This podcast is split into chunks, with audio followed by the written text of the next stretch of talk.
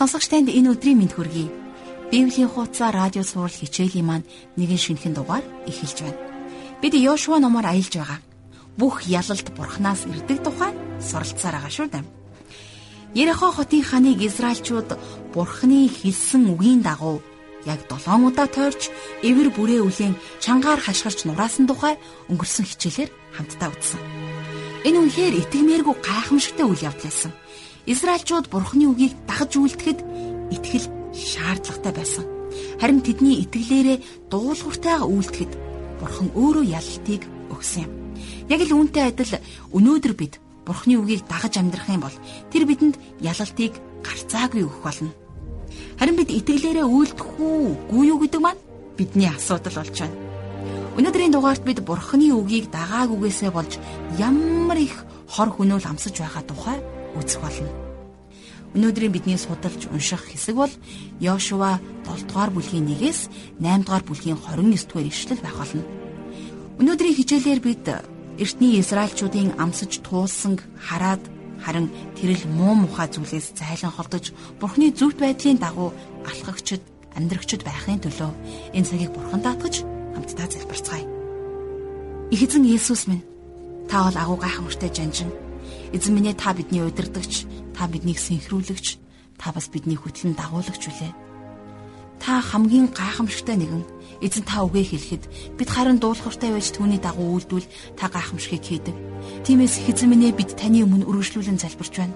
Бид даруй байдлыг бид дуулууртай цанг үргэлжлүүлэн хүсэмжлэн залбирч байна.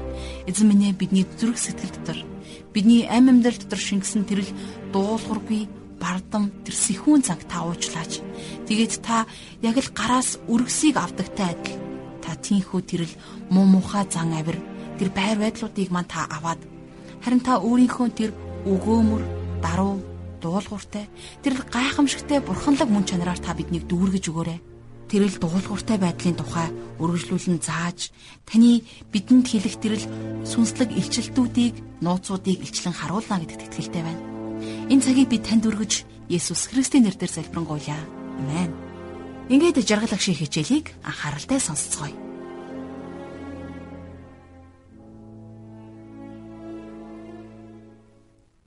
За тэгэхээр хүний хамгийн том дайсан нь хүн өөрөө байдаг. Таны өөрөө чинь таны л бие дотор амьдарч таны боддог сөрөг бодлуудыг бодож байдаг. За таны гараар хөдөлж таны хийдэг зүйлсийг хийж байдаг. Тэгэхээр энэ өөрөө химээх энэ дайсан таныг бусад хинээс ч илүү хохирох чадaltaй. Та бидний өдөр тутмын итгэлийн амьдралд тулгардаг хамгийн том саад бэрхшээл бол хувь хүн бид өөрөө юм. Тэгэхээр энэ өөрөө химээх энэ дайсантай тулалдахад улам хэцүү болгодог хоёр хүчин зүйл байгаа. За нэгдүгürt энэ хүнийг бид таниж хүлийн зөвшөөрөхөөс татгалздаг. Өөрөөг бид нэр дайснаа гэж харахыг огт хүсдэггүй. Харин өөрийгөө бид нар нилээд хайрладаг. За хоёр дахь том асуудал бол тэр бидний дотор байнга байж байдаг. Тэр гарч ирээд бидэнтэй маргалдаж зодтолдог байсан бол өөр хэрэг. Гэвч тэр хизээч тийхгүй. Учир нь тэр айсандаа биш. Харин бидний дотроос тололдоод байх юм бол биднийг хамаагүй дээр ялж чадах юм. За улс үндэстнүүд, хотууд, сүмүүд за эсвэл хувь хүмүүс дотор байдаг дайснаас болж устдаг. За жишээлх юм бол манай хөрш Орос улс Германы төрөмгийллээс биш. Харин Орос дотроо коммунистуудын үзэл сурталын өдөөн хатгалгаас болж коммунистуудын гарт орсон. За бас эртний түүхэнд нэгэн сонирхолтой зүйл гардаг. Грекчүүд Трой хэмээх хотыг эзлэх гэж 10 жилийн туршид тулалдаад дийлээгүй байна. Эцэст нь тэд нэр дийлдэж буцахдаа аврах том модон морь хийгээд үлдээдэг. Харин бүхэл бүтэн 10 жилийн турш хотоо хамгаалж чадсан тройчууд энэ морийг олз болгон хот руугаа оруулсан нь тэдний дээр сүрлийг авчирсан байдаг. За юу болсон гэхлээр модон морин дотор тэдний дайсны шилдэг дайчт нь нуугдсан байсан. Тэгэхээр яг энэний адилаар өнөөдөр сүмүүд гадны хүчин зүйлээс биш харин дотроосоо идэгдэж сүрдэг.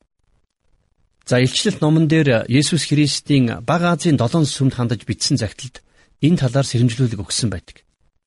Тэгэхээр энэ сэрэмжлүүлэг дээр гадны дайсны тухай огт дурдаагүй байдаг нь сонирхолтой. За жишээлх юм бол илчлэлтийн 2-ын 14-өөс 15 дугаар ишлэлдэр чиний тэнд Баламын сургаалыг сахигчд байдаг. Тэрчлэн үүний адилаар Николайчуудын сургаалыг сахигчд ч чамд бий гэж хэлсэн байна. За бас илчлэлт номын 2 дугаар бүлгийн 20 дугаар ишлэлдэр гівч чиний эсрэг зүйл надад байна. Юу гэвэл өөрийгөө иш үзүүлэгч хэмээн нэрлэдэг Езабел гихч эмэгтэйд миний бодлуудыг сурган төөрөлтгүүлэхийг чи зөвшөөрсөн. Тэгснэр тэд садар самун үйлдэн шүтэнүүдэд өргөссөн юмсыг иддэг ажээ гэж сэрэмжлүүлсэн байдаг. За нэг ёсондоо Есүс та нарын дотор байгаа зүйл та нарыг устгаж байна гэдгийг хэлээд байгаа юм. Тийм учраас өнөөдөр сүм дотор байгаа үнэнч бус итгэмжгүй байдлууд нь Бурхны ажлыг гаднах ямар ч хүчин зүйлсээс илүү саатуулж байгаа. Диавол сүмүүдийг маань гаднаас нь биш харин дотроос нь устгах чадна. За яг энэний адилаар хувь хүн ч гэсэн бас дотроосоо ялзарч сүрдэг. За Македоны алдарт хаан Александр дэлхийн түүхэнд хамгийн агуу жанжнуудын нэг байсан. Тэр 35 нас хүрэхээс өмнө дэлхийг байлдан дагуулж Грекээс ахуулаад Египт, өнөөдрийн Пакистан хүртэлх өргөн уудам газар нутгийг эзлэн авсан байсан. А гэхдээ тэр нас барахтаа архичин байсан. Тэр дэлхийг эзэлсэн боловч өөрийгөө ялан дийлж чадаагүй. Түүний дотор байсан дайсан түүнийг хөнөөсөн гэсэн үг. Израильчууд амлсан газрыг эзлэн авах үед ялагдсан нэг тулаан нь гаднаасаа биш харин тэдний дотроос үүдэлтэй байсан юм. За тэднийг амлсан газар орох үед нь тэдэнд гурван л том дайсан байсан. За нэг нь Ерихо, за тэгээд Ай, за тэгээд Гибеончууд. За энэ гурван дайснууд Израильчууд Бурхны амлсан газрыг авахд саад болон хөндлөлтөнд зогссон байсан. Амлсан газар тэдний өмнө байсан. Бурхан ч тэр газрыг тэдэнд хэдийнэ өгсөн байсан. Бурхан Авраамд амлалт өгөхдөө тэдэнд энэ газрыг эзэмших эрхийг нь айл хэдийнэ өгсөн байсан юм. За энэ тухай Йошуа номын 1-р бүлгийн 3-р эшлэл дээр хөлийн чин ул гიშгэх газар бүрийг би Мосед амлсныхаа дагуу чамд өгсөн билээ гэж Бурхан хэлсэн байдаг. Тэгэхээр бурхан энэ газар та нарыг явж энэ газрыг эзэмшин ав. Энэ газартаа та нар сайхан амьдарцгаа гэж хэлж байсан гэсэн үг. А гэтэл энэ бүх зүйл бидэнд өнөөдөр маш том сургамж болж байна. Бурхан энэ хүмүүст 777 мянган км квадрат газар нутгийг өгсөн боловч тэд нар хамгийн хүчрхэг байх үедээ ердөөл 77 мянган км квадрат нутгийг эзэлсэн байдаг. Христэд итгэгч хүмүүст бүх сүнслэг ёроолыг бурхан өгсөн. Харин итгэгч та өнөөдөр яг энэ бүх ёроолийн хэдийг нь авсан бай. Хэдэн үнэхээр таних болцоход байгаа вэ? Танд эдгэрийг авах эрх нь өгөгдсөн ч гэсэн та эдгэрийг авч сайн сайхныг нь амсаж байна уу? Олон Христэд итгэгчид маань бүх сүнслэг ёроолоор өрөөгдсөн боловч сүнсний хувьд яг л гуйлагчин шиг амьдардаг. Бурхан энэ бүгдийг бидэнд өгсөн боловч бид нар эдгэрийг авахыг хүсэж байгаа бол тулалдаж ялах хэрэгтэй. За Илч Паул Эфесотынд бичсэн загтал дээрээ Бурхны бүрэн хоёг дуулгыг өмсөж тулаанд бэлэн байхад уриалан бичсэн байдаг. За Йошуа номын 7 дугаар бүлэг, за бас 8 дугаар бүлэг дээр гардаг Ай хотыг байлдан дагуулсан ялалт, за бас ялагдал нь итгэгч хүний махан биеийг төлөөлж байдаг. За Аханы хийсэн гим хуаран дотор болсон. Тэгэхээр махан биеийн гим нүгэл ийм дараалттай байдаг. За би эхлээд харсан буюу биеийн хүсэл төрөх. За тэгээд би харсныхаа дараа шунана. За энэ бол бодлын хүсэл тачаал. За тэгээд би хийсэн эсвэл авсан. За энүүгээрээ хүн хүслээрээ үйлдэл болгох алхам хийсэн гэсэн. Тэгэхээр итгэж хүний амьдралд байгаа гмийн асуудлыг шийтгэхээс нааш эдгэрэл чөлөөлөлт ирэх боломжгүй байдаг. За ингээд хамтдаа өнөөдрийнхөө хичээлийг Йошуа номын 7 дугаар бүлгийн 1 дугаар ишлэлээс эхлүүлцгээе. Гэвч Израилийн хөвгүүд хориглогдсон зүйлсд итгэлгүй хандлагаар үйлдэв. Юда овгийн Зерагийн хүү Забдийн хүү Кармийн хүү Ахан хориглосон зүйлсээс заримыг нь ав. Тийм учраас эзний уур хилэн Израилийн хөвгүүдийн эсрэг дүрлцэв. За энэ хэсгээс харах юм бол Израилийн хөвгүүд гим нүгэл үлдсэн гэж байгаа боловч энийг ганцхан Ахан гихч хүн хийсэн байна. За Аханы хийсэн үйлдэлээс болоод бүхэл бүтэн үндэстэн зовлон дунсан. За энд нэгэн сонирхолтой зүйл байгаа. Яагаад гэвэл олон хүмүүс сүмийг гаднаас нь ажиглаж шүүмжилдэг. Бид нэр сүмийн гим нүгэл алдаа дутагдлыг ч ярьдаг. За би ч бас энийг хийдэг. А гэхдээ бид нар сүмийн гишүүний хувьд ярина гэдэг нэг хэрэг. А харин гаднаас нь юу ч хийхгүй мөртлөө хараад ярина гэдэг бол өөр хэрэг шүү дээ. Хэрвээ сүм алдаа дутагдaltaй байгаа бол та бид хоёр ч гэсэн бас энэний нэг хэсэг. Нэг гишүүн зовход бусд нь адилхан зовно. Библиэлд энэ тухай хэлэхдээ хэрв нэг эргэтний зов бол түүний хамт бүх эргэтнүүд зовно. Хэрв нэг эргэтний нь алдаршвал түүний хамт бүх эргэтнүүд баярлах болно гэж 1-р Коринтын 12-ын 26 дугаар эшлэлдэр бичсэн байдаг. Тэгэхээр монголчууд бидний ярьдгаар нэг үхрийн ивэр дөргивөл мянган үхрийн ивэр дөргинө гэж. За 7 дугаар бүлгийн 2-оос 3 дугаар эшлэлийг хамтдаа харцгаая. Йошуа Ирихогоос хоёр хүнийг битэлийн зүүнтэй дорших бит авэны ойролцоо байдаг ай руу илгэн тэдэнд явж очиод нутгийг тагна гэв. Тэд явж айг тагнав. Тэд Йошуароо буцан ирж бүх ард олныг бүү явуул. Зөвхөн хоёр юм уу 3000 орчим хүн ай руу явах хэрэгтэй. Тэд цөөхөлөө учраас бүх хүмүүсээ тэнд бүү туйлдуул гэвэ гэсэн байна. За Ирихо хот энэ дэлхийг төлөөлдөг болвол за Ай гихч энэ хот болвол хүний махан биеийг төлөөлдөг. За хэсэг ариун хүмүүс Ирихог тойрч алхахдаа эвэр бүрээ үлээж өөрсдийгөө тусгаарлагдсан нэгэн гэж ярьцгаана. А гэхдээ тэд нар өөрсдийгөө бид нар ийм ч юм хийдгүй, тийм ч юм хийдгүй гэж ярихдаа бусад сөрөг хандлагатай хүмүүсээс огт ялгах зүйлгүй болж байгаа юм. Тэд нэр энэ дэлхийн бүх зүйлийг орхисон. Энэ дэлхийг ялсан гэж ярих дуртай. А тэгвэл тэдний махан бие яасан бэ? Сүмд байдаг хүмүүсээс хамгийн аюултай хүмүүс бол өөрсдийгөө үнэхээр сонгомол итгэгч нар гэж ярьдаг боловч айд ялагддаг хүмүүс байдаг. Тэр хүмүүсийн зарим нь дэндүү хормоо хил амтай байдаг. Олон жил пастораар ажилласан хүмүүс ийм хүмүүсийн жишээг их олон удаа амсаж үзсэн байгаа бах. Махан бие олон хүмүүсийг захирч байдаг. Тийм хүмүүс өөрсдийгөө Христийн сургаалаар амьдрч байна даа л гэж бодоол явж байдаг. Тэд нар ялалтаар дүүрэн амьдралын тухай ярьдаг боловч энэ нь үнэндээ ямар утгатай болохыг өөрсдөө ч мэддэггүй. Тэгэхээр ялалтаар дүүрэн амьдрал бол зөвхөн бурхнаас өөрөөс нь л ирдэг амьдрал юм шүү дээ. Ягд гэвэл Бурхан өөрөө бидэнд ялалтыг өгдөг. Тэрнээс биш бид нэр өөрсдөө өөрсдийнхөө хүч чадлаар ялалтанд хүрдэг юм биш.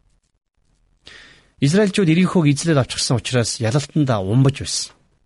За энэ ялалтыг эзэн байгуулсан ч гэсэн нэг их удалгүй тэд нар өөрсдөө ялалт байгуулсан юм шиг бодож эхэлсэн.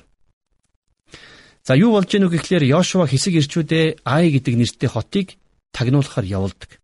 За хотыг тагнасан ирчүүд буцаж ирэхдээ Айч Ирихогийн хажууд юу ч биш юм байна гэж хэлсэн байна. Энэ хотод очиж үзсэн хүний яриаг би сонсч байсан л да. Өнөөдөр ч гэсэн бас энэ хотын үлдэгдлийг харахад их жижигхэн хот байсан бол л да. За цааш нь 4-өөс 5 дугаар ишлэгийг уншицгаая. Ийхүү ард олноос 3000 орчим хүн тийш очисон боловч Айн ирчүүдээс тэд зүхтав. Айн ирчүүд тэднээс 36 орчим хүнийг алж Тэднийг хаалганаас Шибарим хүртэл нэхэн хөөж бил газарт тэднийг алав. Тиймээс ард олны зүрх мохон ус мэд болвоо гэсэн байна. За юу болсон гэж Израильчууд биш харин Айн ирчүүд Израилийг ялсан байна. Та бид хоёр ч гэсэн өнөөдөр махан биеиндээ дийлддэг юм. Бид нэр өөрсдөө энэ махан биеийг дийлэх боломжгүй. Израильчууд өөрсдийн сул дорой байдлыг хүлээн зөвшөөрөөгүй байсан.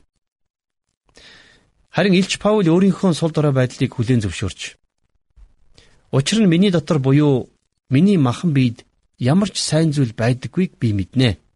Учир нь хүсэл нь миний дотор байвч харин сайныг хийх нь үгүй гэж бичсэн байдаг. Тиймээс итгэгч хүмүүс бид нар өөрсдийн дотор хүч чадалгүй болохыг хүлээн зөвшөөрөх хэрэгтэй.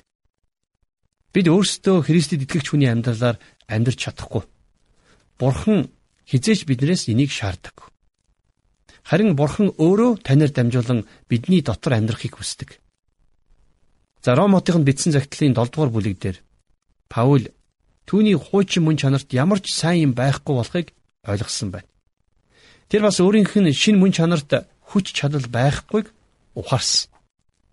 За шин мөн чанар маань бурхны төлөө амьдрахыг хүсвч өөрөө энийг өөрийнхөө хүч чадлаар хийх боломжгүй байдаг.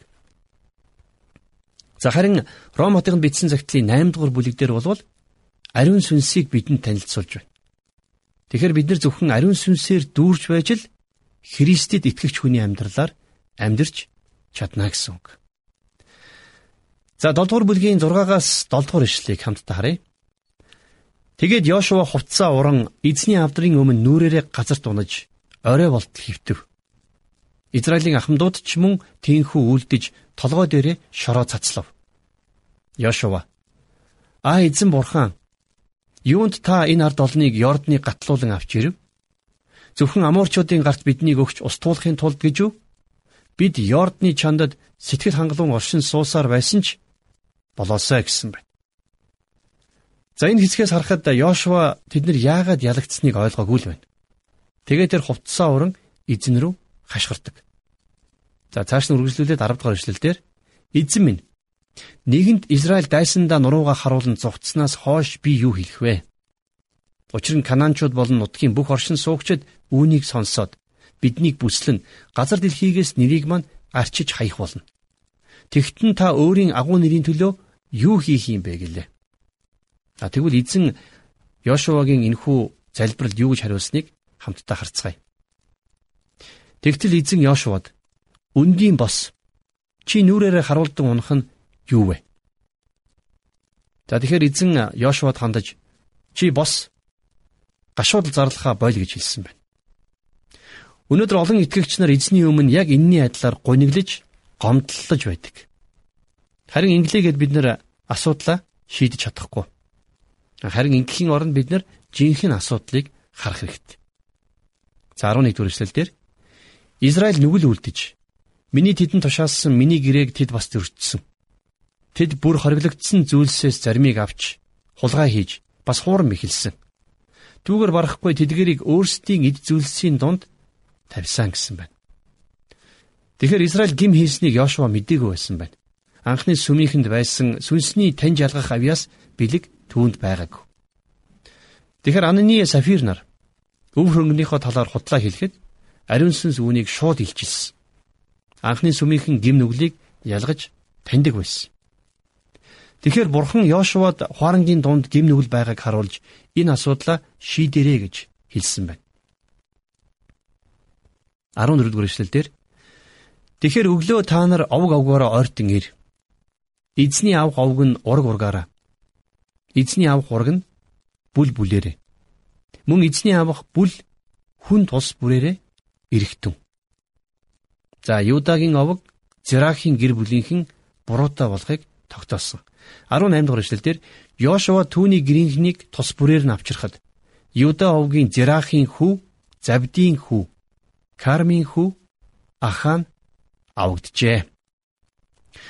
Израильчууд буруутныг олохын тулд ийм удаан үргэлжилсэн ажил болсон байна. Тэдний хувьд хуаран дотроос муу юм олно гэхэд хэцүү байсан. За тэгвэл өнөөдөр ч гэсэн бидний хувьд сүм дотроос муу зүйлийг олж харахад их хэцүү байдаг.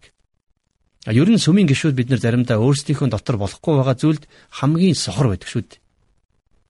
Бид нар шөнийн 6 цэнгэний газар, архины дэлгүүр, хахуул идэгдсэн улс төрчдийн дундаас мууг олж харахтаа амархан байдаг боловч өөрсдийн гэр бүл за бас сүмөд дотор байгаа муу бүхнийг олж харж чаддгүй нь үнэхээр харамсалтай. 19-с 21 дугаар эшлэл Йошуа аханд "Хүмүн би чамаас гуй. Израилийн бурхан эзэнд алдрыг өгч түүнд магтаал өрг. Тэгээд юу хийсний одоо надад хэл. Үүнийг надаас бүү нуу гэлээ." Тэгтэн ахаа нь Йошуад хариулсан нь "Үнэхээр би Израилийн бурхан эзний эсрэг нүгэл үлдсэн. Миний хийсэн хэрэг гэвэл олцсон дотор шинарын гоёмсог өмсгөл 200 шикел мөнгө болон 50 шикел жинтэй алтан голдмай байхыг би үзээд шунхайран тэдгэрийг авсан. Үзэгтэн. Тэдгээр зүйлс дороо мөнгөний хамт миний майхан доторх газарт нууцлагдсан байгаа гэлээ. За тэгвэл ахааны хийсэн нүгэлтэй алхмыг бүгдээр эргэж харцгаая. За тэр эхлээд харсан, дараа нь шунсан, тэгээд авсан. Энэ бол махан биеийн гим нүглийн алхмууд баг юм. За хов жив, шүүмжлэл, ата жөтөө бол бүгд махан биеийн гимүүд. Эдгээр зүйлсүүд хэрүүл маргаан бутрал сүрлийг л авчирдаг. Жишээ нь хүн бусдыг шүүмжилж байхдаа өөрийн бардам занг тижиж байдаг. Та өөрийгөө шүүмжилж байгаа хүнээс илүү дээр тавьж байна гэсэн үг. Махан биеийн хүсэл харснаа шунаж тэгээд дараа нь авдаг. Тэгэхээр ахаанд гмийнхэн талаар хэлэх үед тэр яасан бэ? Тэр гимээ хүлээсэн. Тэр шууд байгаагаар нь гимээ хүлийн зөвшөөрсөн. Өнөөдрийн итгэгчид бид махан биеэ яаж ялах вэ? Бид өөрсдийн амьдралд байгаа гим нүглийн асуудлыг шийдэх ёстой. Харин бид нар дэлхийг итгэлээрээ ялдгаа гэдгийг санаарай. Гэхдээ бид нар махан биеэ энүүгээр ялж чадахгүй. Бид эзэнд үйлчлэхийн тулд түүнтэй нөхөрлөж ариун сүнсээр дүүрч байх ёстой. Тэгвэл яаж бид нар бурхантай нөхөрлөх вэ? Хэрхэн амьдралдаа бурхны хүч чадлыг авах вэ? За энэ тухай Иохны 1-р загтал дээр бид нар энийг хийж чадахгүй гэсэн үг байна. За 1-р Иохны 1-ийн 5-аас 6-р эшлэлдэр Бурхан бол гэрэл. Мөн түүний дотор харанхуй огт байхгүй. Хэрэг бид бурхантай нөхөрлөдгөө гэж яриад харанхуй дотор алхаж байвал бид худал хэлж үннийг үйлддэггүй ажээ гэсэн. За та түүнтэй нөхөрлөдгөө гэсэн хэрнээ дим нүгэлтэд амьдарч байгаа бол өөрөө өөрийгөө хуурч байгаа хэрэг. За ингэснээрээ бид нэр түүнтэй огт нөхөрлөөгүй байна гэдгээч сайн мэднэ. Тэгвэл бид өөрсдийгөө ямар ч гимгүй гэж бодъё л доо. За тэгвэл 1-р Иохны 1:8 дээр Хэрэг бид нүгэлгүй гэж хэлбэл өөрсдийгөө мэхэлж байгаа бөгөөд бидний дотор үнэн алгаа гэж бичсэн байна. За тэгвэл бид яах ёстой вэ? За 1-р Иохны 1-ийн 9-р ишлэлийг хамтдаа харцгаая. Хэрвээ бид нүглээ хүлээн зөвшөөрвөл тэрээр итгэмжит зөвхт бөгөөд бидний нүглийг уучилж бүхэл зөвхт бус байдлаас биднийг цэвэрлэнэ гэсэн байна. Тэгэхээр бид нар Бурхныг өөрсдийнхөө төвшөнд буулгаж ирэх боломжгүй. За бас өөрсдийгөө бурхны төвшөнд дээш нь аваачих боломжгүй. Харин бурхан ба өөрийнхөө хоорондох харилцааг нээлттэй байлгах ёстой. Энийг хийх ганцхан арга зам бол гим нүглээ бурханд илчлэх явдал. За Иохан нэмж хэлэхдээ 10 дугаар эшлэлдэр хэрв бид нүгэл үйлдэгвэ гэж хэлбэл бид түүнийг худалж болгож байгаа хэрэг бөгөөд бидний дотор түүний үг алгаа гэсэн байна. За энд нилээд хүчтэй үгээр илэрхийлсэн байгаа. Бид нар хэрвээ гим нүгэлгүй гэж хэлэх юм бол хотлоо ярьж байна гэж Бурхан энд хэлсэн байна. Түүний хэлж байгаа үнэхээр үнэн. Харин бид нар яах ёстой вэ гэвэл бид өөрсдийнхөө гим нүглийг түүнд илчлэх ёстой. За тэгвэл яаж илчлэх вэ гэсэн асуулт аяндаа гарч ирнэ. Бид нар чин сэтгэлээсээ гимшиж байгаа бол ерөнхий бүдэг бодог ярих боломжгүй. Харин тэгвэл яг ахаан шиг байгаагаар нь өөрсдийнхөө гим нүглийг хүлээн зөвшөөрөөд би тэр зүйлсийг хараад шунал төрж авмаар санагдаад авсан юмаа гэж хэлэх хэрэгтэй. Зүрстгэлээ бурханд нээж байгаа бүх зүйлээ түүнд хэлээрэй. Бурхан угаасаа энэ бүгдийг мэдэж байгаа учраас бид нар хэлсэн дэр. Ер нь бид нар өөрсдийн амьдралд байгаа гим нүглийг хүлээн зөвшөөрөхөөс нааш баяр хөөр, хүч чадал, ялалтыг авах боломжгүй байдаг юм. За 7 дугаар бүлгийн 25-аас 26 дугаар ишлэл. Йошуа чи юунд биднийг зовоосон юм бэ? Энэ өдөр эзэн чамайг зовооно гэлээ. Ингээд бүх Израиль тэднэр лөө чулуу шидлэв. Тэднэр лөө чулуу чулуудсны дараа галаар шатав. Тэгээд ахааны дээр том чулуун авааг босгосон нь энэ өдрийг хүртэл байсаар байна. Тэгээд эзний догшин уур хилэн намдав. Тиймээс тэр газар энэ өдрийг хүртэл ахуурын хөндөй химэн нэрлэгдсээр ирвэ гэсэн байна. За ханы хэлсэн энэхүү хэрэг бол маш ноцтой хэрэг байсан. За энэний тухай итгэгч нарт шин гэрээн дээр хүртэл сануулan бичсэн байдаг. За Ром номын 8 дугаар бүлгийн 13 дугаар эшлэлдэр Учир нь хэрв та нар махан биеийн дагуу амьдрал үхэх ёстой. Харин та нар сүнсээр биеийн үлсийг үхэлд хүргэвэл амьдрах болно гэсэн байна. Өнөөдөр энэ хэлсний дагуу амьдрахгүй байгаа маш олон итгэгчид байгаа. Бид нар өөрсдийн амьдралд байгаа гмийн асуудлыг шийдэхгүй бол үнэхээр зовх болно. За 1-р Коринтын 11-ийн 31-ээс 32 дугаар эшлэлдэр Илж Паулийн хэлсэн нэг юм үг байдаг. Хэрвээ бид өөрсдийгөө зөвшөөрсөн бол шийтгэгдэхгүй байх байсан. Харин бид шийтгэгдэхдээ эзнэр сахилгажуулагддаг. Ингэснээр бид ертөнцтэй хамт яллагдахгүй юм а гэж. Хэрвээ бид нар өөрсдийнхөө амьдралыг шүүн тунгаахгүй бол Бурхан ирээд биднийг шүүх болно. За харин түүний шүүлтийг амснаа гэдэг бол тун амаргүй хэрэг. Ийм тохиолдолд бид нар Йошуа шиг гомдлож гашуудаад ч нэмэргүй. Харин зүгээр л Бурханыхаа өмнө ирж тэр асуудлаа шийдчих хэрэгтэй. Бид гим нүглээ түүнд илчлэн түүнд өгөхөд их эзний баяр хөөр бидний амьдралд орж ирдэг. За тэгэхээр Йошуа номын 7 дугаар бүлгээс харах юм бол Израильчууд Ай гихч жижигхэн хотыг эзэлж авч чадалгүйгээр ялагдсан нь за тэдний хуарангийн дунд гим нүгэл байсантай холбоотой байсан байна.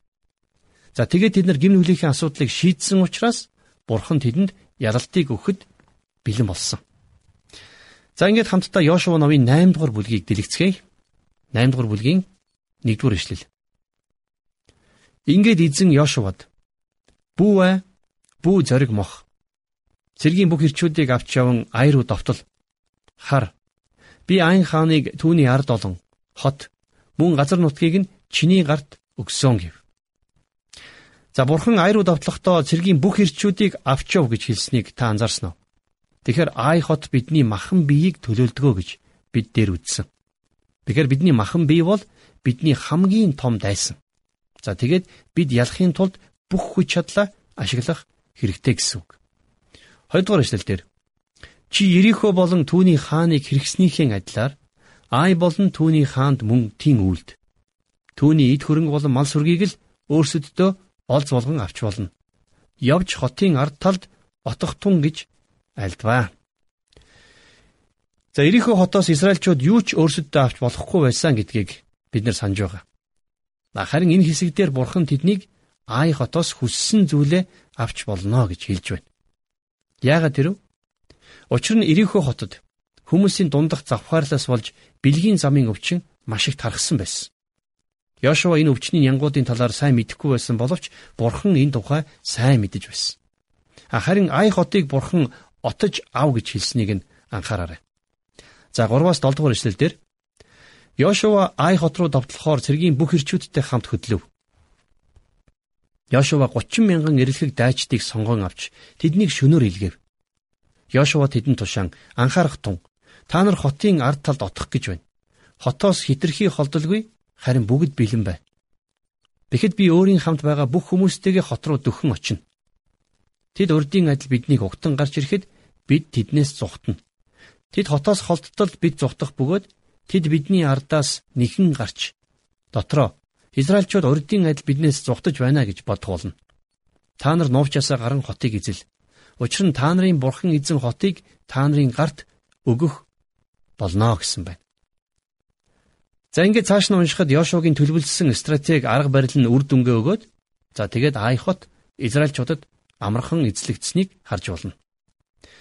Тэгэхээр дахин хэлье. Ай хот бол бидний махан биеийг төлөөлдөг учраас энэ хэсгээс бид нар сүнсний хувьд маш олон зүйлийг сурч авах боломжтой. За нэгдүгürt бид нар дайсныхаа хүч чадлыг дутуу үнэлж болохгүй. Та бидний хамгийн том дайсан болвол та бид өөрсдөө гэдгийг бид нар ойлгох ёстой. Заримдаа хүмүүс муу эрийн сүнс намайг ийм гим хийлэглээ гэж ярих дуртай байдаг. Гэтэл яг үнэн хэрэгтээ та бидний махан бие буруутай байдаг.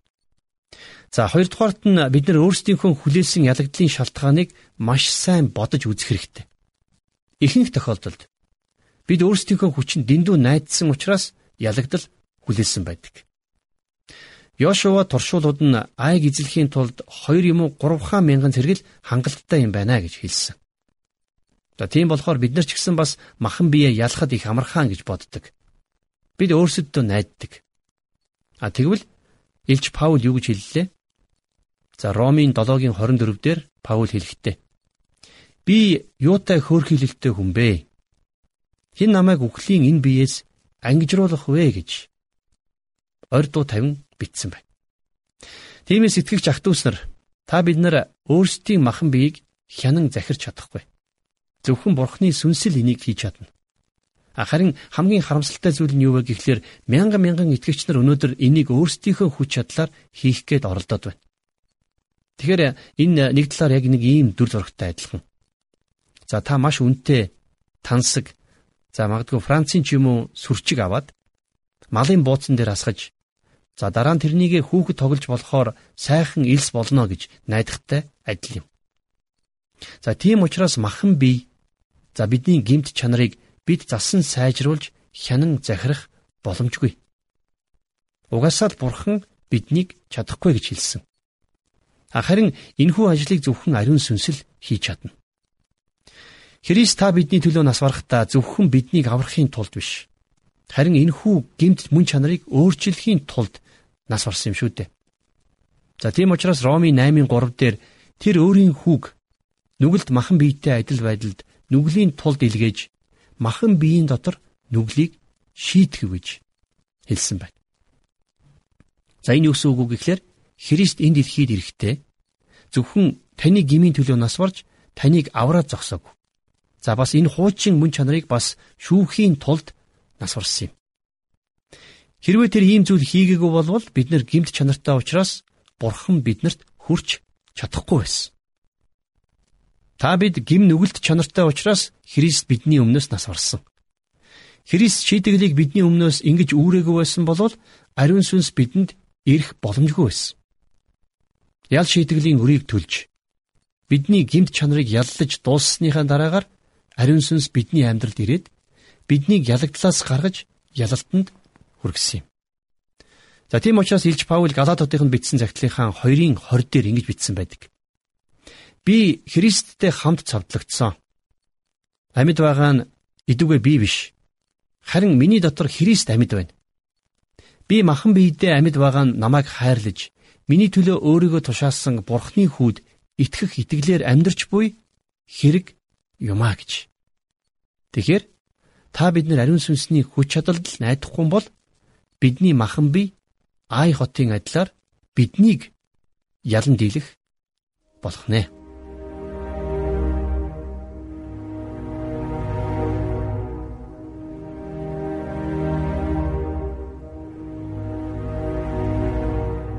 Тэгэхээр өнөөдрийн хичээл маш сонирхолтой чухал хичээл байлаа. Тийм ээ бид үнэхээр альва ялагдал алдаа дутагдлаа сатаанд тохохыг хүсдэг. Харин бидний хамгийн том дайсан бол бид өөрсдөө шүү дээ. Бидний махан бие гэж хэлж болно. Бас энэ махан биеийн хүчийг бид их багаар үнэлж өөрсдөө түүнийг ялч чаднаа гэж бардамдаг. Өнөөхөл бардамнал. Гэвч энэ нь харамсалтай нь боломжгүй зүйл. Тийм учраас бид өдөр бүр Бурхны ариун сүнсэнд хандаж түүнд түшиглэж мөн түүний ариун сүнсээр дүүрч Бурхны тусламжаар явах хэрэгтэй. Түүнээс өөр сайн зам гэж байхгүй. Харин түүний үгийн дагуу бид амьдрсан цагт бид махан биеийн хүслүүдээ ялан дийлж Бурхны төлөө бид Бурханаар Бурхантай хамт амьдарч чадах болно. Өнөөдөр бид Йошуа 7 дугаар бүлгийн 1-ээс 8 дугаар бүлгийн 29 дугаар ишлэлийг уншиж судалсан байгаа. Магадгүй танд яг энэ ишлэл голыг олоод хэлчлээ дээ. Миний нөхцөл байдлыг ён гэд хатгачлаа да гэсэн хэсэг ишлэл бүлэг багц магадгүй жаргал агшийн тайлбар байгаа бол яг одоо хамтдаа залбирцгаая. Өөрчлөгдөх хүч чадлыг, урам зориг бас магадгүй түүний өмнө гимших, гимээ намжлах зүйл байгаа бол хамтдаа гимшицгээе. Тэгээд түүний алдрын төлөө түүнтэй хамт амьдарцгаая. Эзэн бурхан минь Таны агуу гайхамшигтай үгийн төлөө би танд онцгойлон талархаж байна. Бид өөрсдийгөө болон махан биеийнхээ бүхий л бодол хүслүүдийг бид таны өмнө авчирч байна. Та энэ л өчүүхэн сул дорой байдлуудын маань төлөө та загалмайн зовлон гүрсэн. Эзэн минь ээ тэр л хайрын агуу загалмай өмнө бид сул дорой байдлаа, бид бардамлаа, бид ихэрхүү байдлаа, бид өөнтөгч зангаа, бид тэрл өөрсдийнхөөрөө сайрхдаг тэрл сайрхуу байдлаа өргөж байна. Эзэн минь бид таны үгийн дагуу амьдарч бид танаар дүүрхэд эдгээр зан чанарууд маань хэрэггүй юм байна. Тиймээс эзэн минь ээ та тэр өргөсийг авахтай адил бидний дотроос тэрл муу зан чанаруудыг та сайнаар дүүргэж та сайнаар сольж өгөөрэй. Эзэн минь тэгээ бид танаар дамжуулж аврагдаж мөнхийн бэлгийг хүлээн авсан шиг энэ газар дэлхий дээр та биднэр дамжуулж алтаршаарай. Бидний үг хэлээр дамжуулж таны нэр алтарших болтугай. Би танд бүхий л амь амьдралаа өргөж Есүс Христийн нэрээр залбирanгуйлаа. Амен.